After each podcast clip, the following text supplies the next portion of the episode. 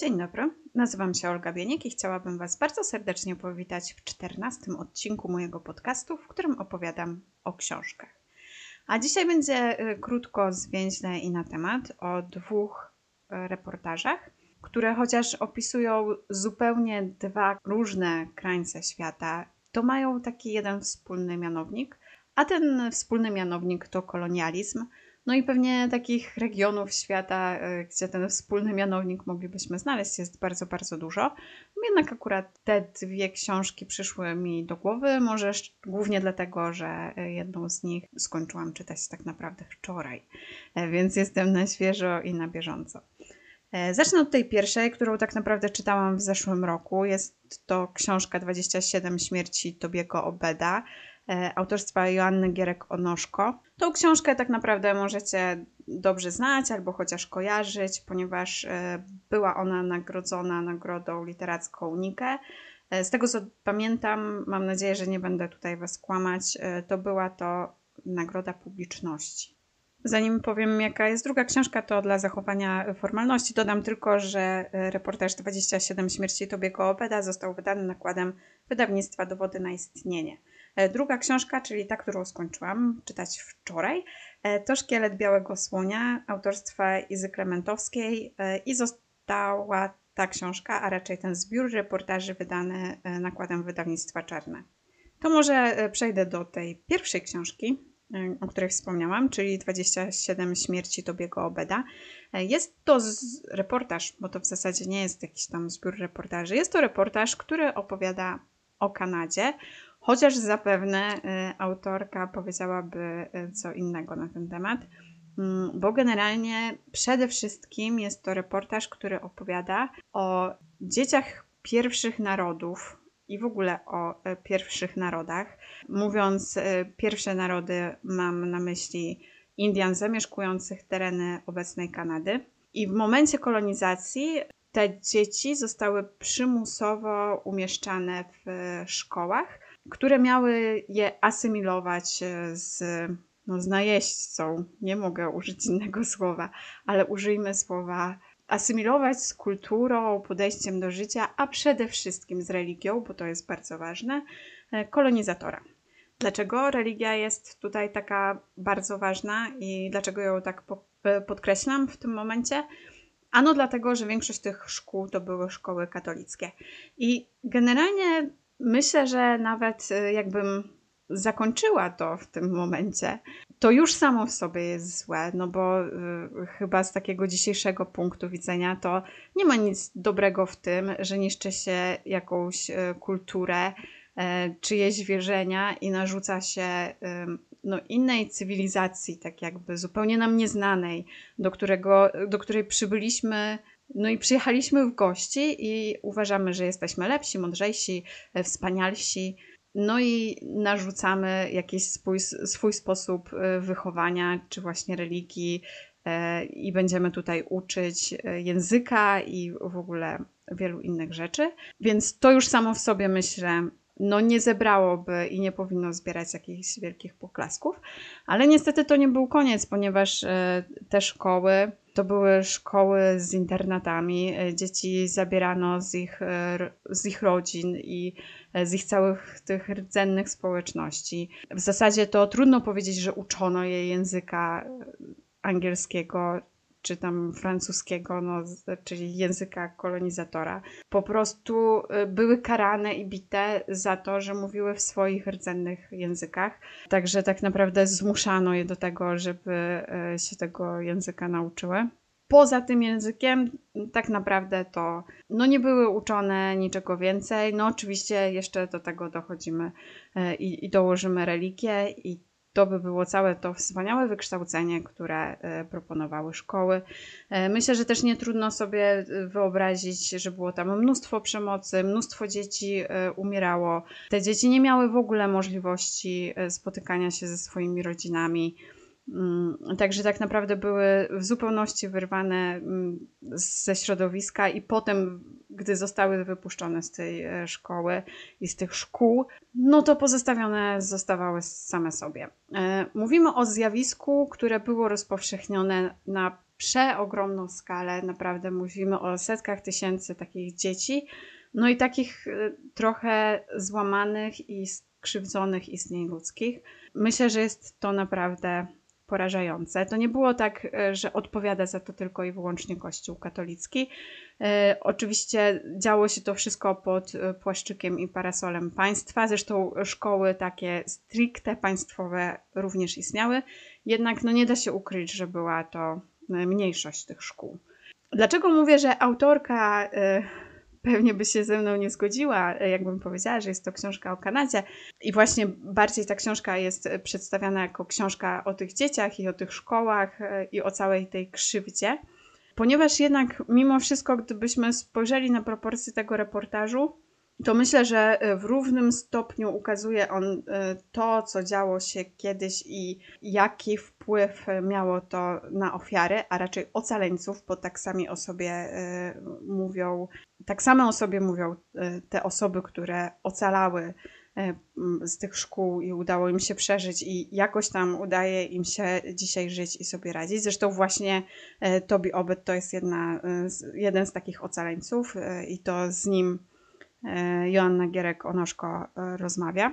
Jednak e, choć jest to jakaś oś tego reportażu i jest to bardzo ważne w całym tym reportażu, no i nie da się uniknąć stwierdzenia, że jest to książka o tym, to równie dużą rolę odgrywa tutaj sama Kanada, to jak te pierwsze narody odnajdują się teraz w państwie, które my uważamy za super szczęśliwe i wspaniały raj i bardzo tolerancyjne państwo. I pewnie w dużej mierze jest to prawda.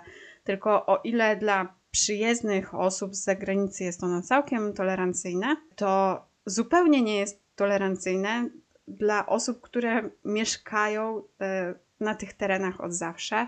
I e, te pierwsze narody dalej są bardzo dyskryminowane i o tym też mocno jest ta książka jak ja ją e, przeczytałam, to pamiętam, że miałam w sobie gdzieś tam taką refleksję, że to jest tak naprawdę książka, która pokazuje współczesną Kanadę. Jednak oczywiście, żeby zrozumieć kraj, który mamy przed oczami dzisiaj, to y, trzeba zawsze poznać to wczoraj, no bo nic nie bierze się z, z przestrzeni i z powietrza. Zawsze wszystko ma jakiś swój ciąg przyczynowo-skutkowy. To, co jest jeszcze bardzo ważne w tej książce, bo ja nie chcę tutaj Wam zdradzać szczegółów, bardzo Was zachęcam do tego, żeby po prostu po nią sięgnąć. E, też nie czuję się jakąś specjalistką e, w tym temacie. Ten reportaż mnie po prostu samą zaskoczył, także nie chcę tutaj Wam jakichś tam szczegółów e, zdradzać i opowiadać. Ale to, co jest jeszcze tutaj ważne, mm, to to, że Kanada tak naprawdę dopiero od niedawna zaczyna się rozliczać z tym tematem i o ile e, same struktury państwowe gdzieś rzeczywiście e, próbują wypłacać jakieś odszkodowania e, i rzeczywiście same struktury państwowe się do tego, co działo się dawniej przyznają, to Kościół katolicki zupełnie się do niczego nie przyznaje, nie poczuwa się do żadnej odpowiedzialności, w życiu nie przeprosił, do tej pory nie wypłacił nawet złotówki odszkodowania i tak naprawdę gdzieś tam rząd kanadyjski próbuje tą sytuację załagodzić i no, wypłaca odszkodowania niejako tak naprawdę za y, Kościół katolicki i trochę przyjął na siebie odpowiedzialność, chociaż nie można powiedzieć, żeby ta, ta odpowiedzialność w całości leżała po stronie rządów kanadyjskich. Bardzo serdecznie Was zachęcam, tylko właśnie z takim może podejściem, że nie jest to tylko i wyłącznie książka o samym tym procederze, E, że to spojrzenie na cały problem jest dużo szersze i można też e, zobaczyć taki obraz współczesnej Kanady i tego, że nie do końca jest to takie wspaniałe, kolorowe e, i tolerancyjne państwo.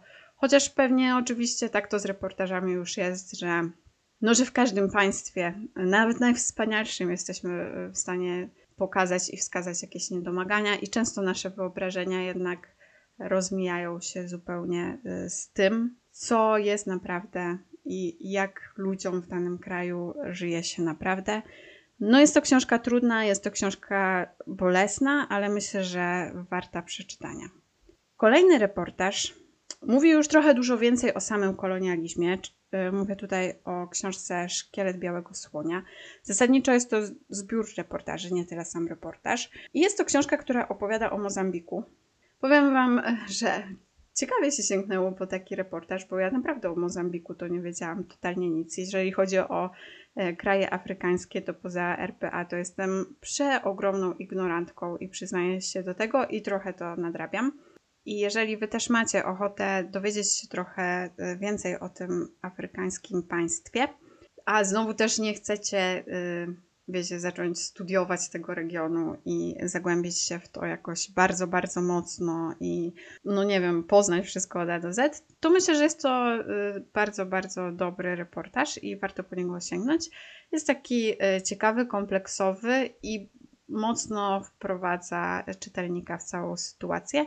Jeżeli macie ochotę zagłębić się w ten region i przestudiować go i, i stać się specjalistą od Mozambiku bądź specjalistką od Mozambiku, to myślę, że i tak jest to bardzo dobra lektura na początek.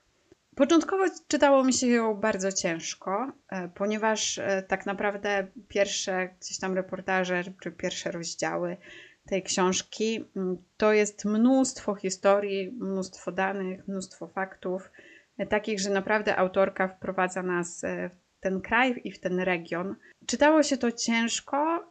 W ogóle w samych, wiecie, portugalskich nazwiskach i imionach mi się było ciężko odnaleźć, a jak dodacie do tego jeszcze afrykańskie imiona, to już w ogóle robi się ogromny miszmasz.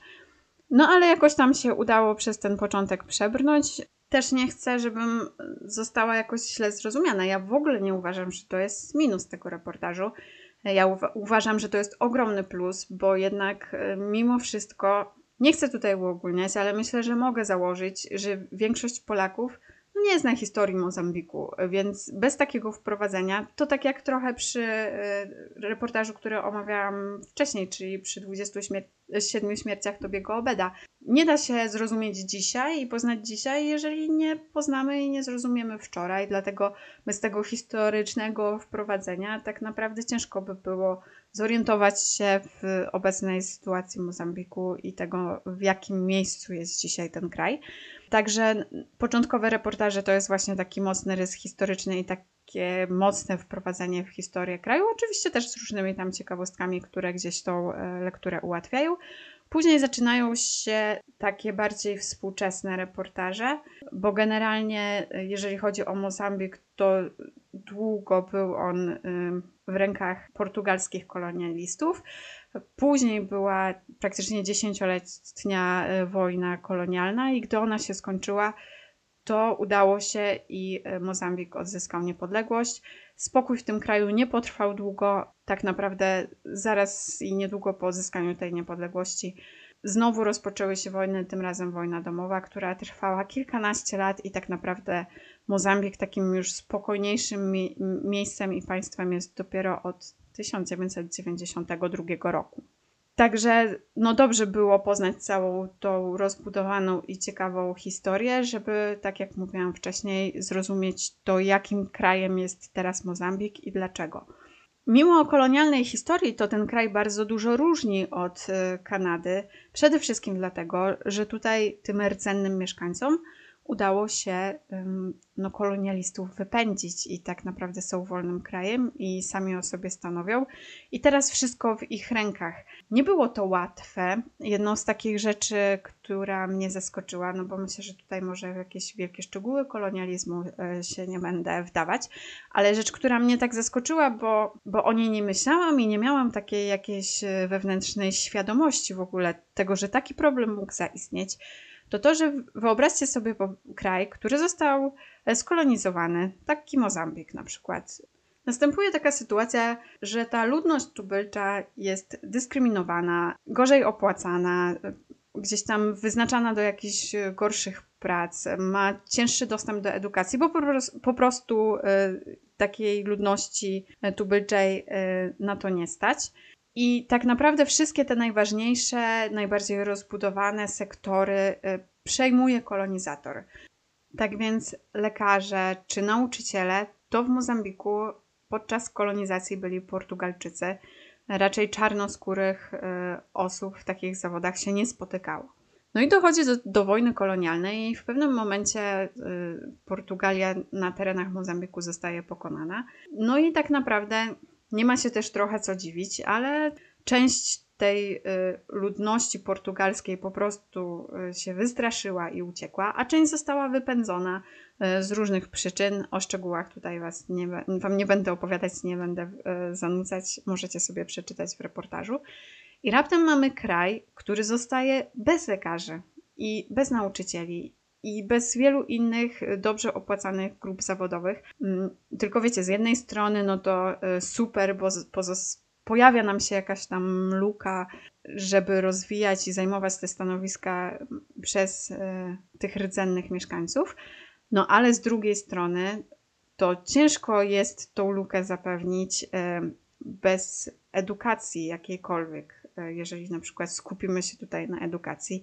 I ciężko jest wyuczyć nowe pokolenie tych zawodów, skoro nie ma kto uczyć. I to naprawdę y, były takie ogromne problemy i wiem, że jak ja to teraz mówię, to pewnie wydaje Wam się to tak samo oczywiste, mm, jak mi w momencie, kiedy czytałam tą książkę, ale to są takie rzeczy, nad którymi się nie zastanawiamy, e, no bo wszyscy chcą tej wolności i myślę, że wiele, wiele z Was i wielu z Was e, tą chęć rozumie, ale jednak te problemy polityczno-społeczne, gospodarcze są naprawdę tak bardzo splecione ze sobą, że nie są to tematy takie proste.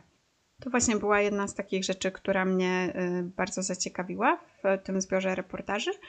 Mm, później, im dalej idziemy w książkę, tym y, poznajemy lepiej różnych takich bardziej konkretnych bohaterów, z którymi już y, autorka tego reportażu przeprowadzała wywiady i, i oso poznajemy osoby, które ona również poznała.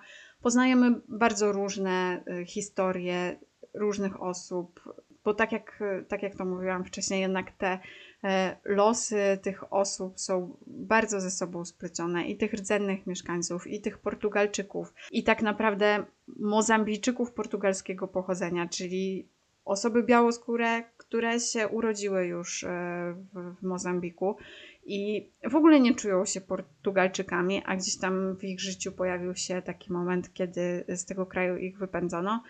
Mm, Także naprawdę bardzo ciekawa sprawa, y, bardzo ciekawy reportaż. Zmusza do wielu różnych przemyśleń na temat kolonizacji, chyba przede wszystkim.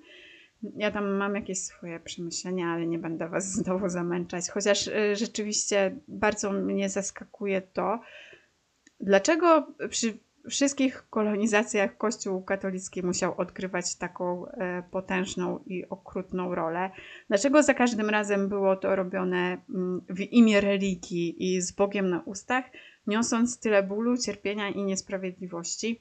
Jest to dla mnie naprawdę niezrozumiałe, bo ja jestem w stanie zrozumieć powody gospodarcze takiej kolonizacji. Naprawdę, to nie jest tak, że się z nimi zgadzam i, i że takie kapitalistyczne podejście mi się podoba, ale jestem w stanie je zrozumieć i sobie wytłumaczyć. A tego, dlaczego tak bardzo do e, swojego punktu widzenia i do jakiejś y, przyświecającej nam idei mamy potrzebę naginać życie innych ludzi, y, naginać ich kulturę i zmieniać ich gdzieś na swoje podobieństwo, asymilować ich bez takiego zrozumienia i bez możliwości wzajemnego mieszkania i życia obok siebie, e, mimo wszelkich różnic, naprawdę nie potrafię tego zrozumieć.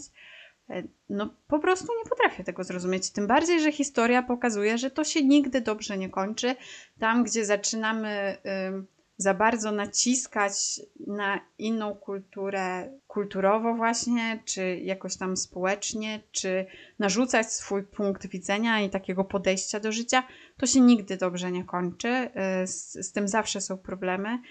Dlatego nie rozumiem, dlaczego nie potrafimy gdzieś żyć i mieszkać obok siebie i czerpać z tych e, dobrodziejstw natury, no bo przecież w takim Mozambiku to przede wszystkim o złoża naturalne chodziło i, i dlatego e, Europejczycy, czy no w szczególności Portugalczycy się tam zanęcili, nazwijmy to tak. No nie rozumiem. Jeżeli ktoś mi jest w stanie wytłumaczyć, dlaczego to jest, tak jest, w ogóle jakie mechanizmy temu przyświecają, że tak bardzo potrzebujemy wpłynąć i pokazać komuś, y, że jest niższy i gorszy i powinien dążyć do tego, żeby stać się taki sam jak my. Dlaczego mamy takie dziwne potrzeby naprawdę Mnie to zaskakuje. Zresztą y, takie myślenie możemy znaleźć pewnie w bardzo wielu miejscach. Jeżeli ktoś jest mi w stanie jakoś tak logicznie to wytłumaczyć, to będę naprawdę ogromnie, ogromnie wdzięczna, y, bo to, to nie jest tak, że ja teraz po prostu takie podejście chcę krytykować, no chociaż je krytykuję, bo, y, no bo z takiego ludzkiego, empatycznego spojrzenia, no to jest niedopuszczalne i w ogóle niewytłumaczalne, ale z takiego naukowego punktu widzenia po prostu ciekawią mnie gdzieś tam takie mechanizmy rządzące światem, więc jeżeli ktoś mi jest to w stanie wytłumaczyć albo podrzucić książkę, która y, tłumaczy takie podejście, to będę bardzo wdzięczna. To taka tym razem prośba ode mnie do Was. Y, będę bardzo wdzięczna, jeżeli mi podpowiecie, gdzie szukać odpowiedzi na te trudne pytania. Dobra, kończę już, bo obiecałam Wam, że będzie krótko, zwięźlej na temat i jak zwykle gdzieś tam odpłynęłam nie wiadomo gdzie. Mam nadzieję, że już się do tego przyzwyczailiście. E, na koniec e, taka jedna informacja, a może nie jedna, kilka ogłoszeń. E, po pierwsze, za tydzień spędzam czas z rodziną i rodzinnie z, z bliskimi widuję się dosyć rzadko, bo mieszkamy od siebie daleko. Dlatego nie będzie odcinka podcastu. Mam nadzieję, że mi wybaczycie. Także usłyszymy się, mam nadzieję, za dwa tygodnie. Ale jeżeli zatęsknicie za brzmieniem mojego głosu, to e, tutaj szybka informacja, że w środę 31 marca ukaże się pierwszy odcinek mojego e, nowego, kolejnego podcastu, e, który nosi nazwę i będzie nosił nazwę Stowarzyszenie Rozwoju. Jest to podcast, tak jak sama nazwa wskazuje, taki bardziej rozwojowy, o rozwojowych książkach i rozwojowych tematach każdy miesiąc tak naprawdę będzie poświęcony jednemu tematowi i, i, będę go rozwijać nie tylko e, w moim podcaście, ale również na blogu. Takim tematem na kwiecień są talenty Galupa, więc jeżeli e, chcecie się dowiedzieć o nich troszkę więcej, to bardzo serdecznie zapraszam. Mam nadzieję, że Wam również się spodoba i te tematy również Was zainteresują. Także w środę 31 marca pierwszy odcinek podcastu Stowarzyszenie Rozwoju. Oczywiście podcast Stowarzyszenie Książki cały czas e, będzie nagrywany i co sobotę będziecie mogli mnie usłyszeć. Jeżeli o całym projekcie Stowarzyszenie Rozwoju chcecie dowiedzieć się czegoś więcej, to zapraszam oczywiście jak zawsze na mojego Instagrama. Tam jest nawet zakładka mm, w wyróżnionych relacjach rozwój osobisty. Tam już trochę o tym projekcie mówiłam, ale też e, na pewno weekend i do środy jeszcze dużo na ten temat e, będę mówić i, i gdzieś tam trochę reklamować. No dobrze, to y, dziękuję Wam bardzo za dzisiaj i mam nadzieję do usłyszenia za dwa tygodnie.